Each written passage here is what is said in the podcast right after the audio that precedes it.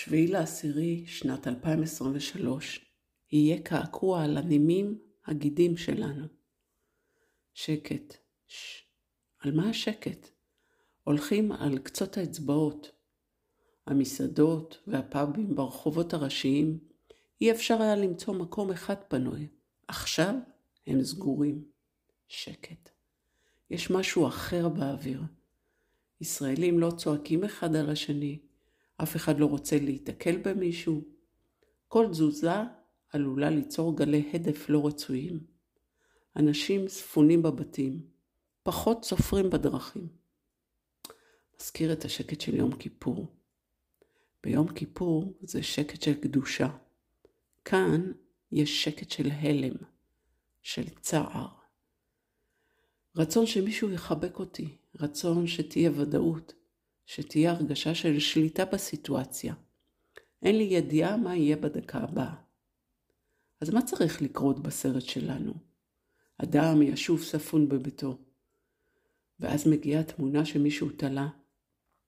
עם ישראל חי, אנחנו ננצח. ואז יש עוד ידיעה שאנשים חיכו עשר שעות כדי לתרום דם. הפאבים סגורים ושקט ברחוב, ואז עובר רכב של חב"ד עם מגפונים שמהם יוצא קול. עם ישראל חי. כולם יוצאים למרפסות לקריוקי עם צלילי המוזיקה של החב"דניקים. העצים בשדרות התעטפו בדגלים, כל הארץ דגלים דגלים.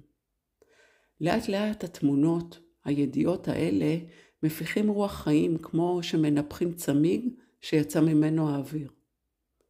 מבחינתי כבר ניצחנו. עכשיו ניצחנו. ההלם, השבר, הרכנת הראש, העיניים שמחפשות ושואלות, מה קרה כאן? אצטרך עוד להגדיר מה זה השקט הזה שנפל על הישראליות הבטוחה, הגאה. בתוכי צומחת התקווה. עם ישראל, עם הנצח. מה זה העם הנצחי? מה התקווה? מה ינצח בנו? כמו שאמרתי למחותנת שלי, אנחנו ננצח רק בזכות הרוח של העם. מה שנותן תקווה זו צעקה של אימא שאומרת, הבן שלי לא מת סתם. תדברו, תתווכחו, אבל אל תשנאו. ואני מוסיפה, שינינו את הדיסקט. איך אומרים? נפל לנו האסימון. מה שהיה לא יהיה. השקט הזה שבינינו ובתוכנו יוציא מאיתנו התחדשות ולידה של העם הנצחי, שידע כל כך הרבה תלאות, ומכולם נולד ונשאר לנצח ולנצח.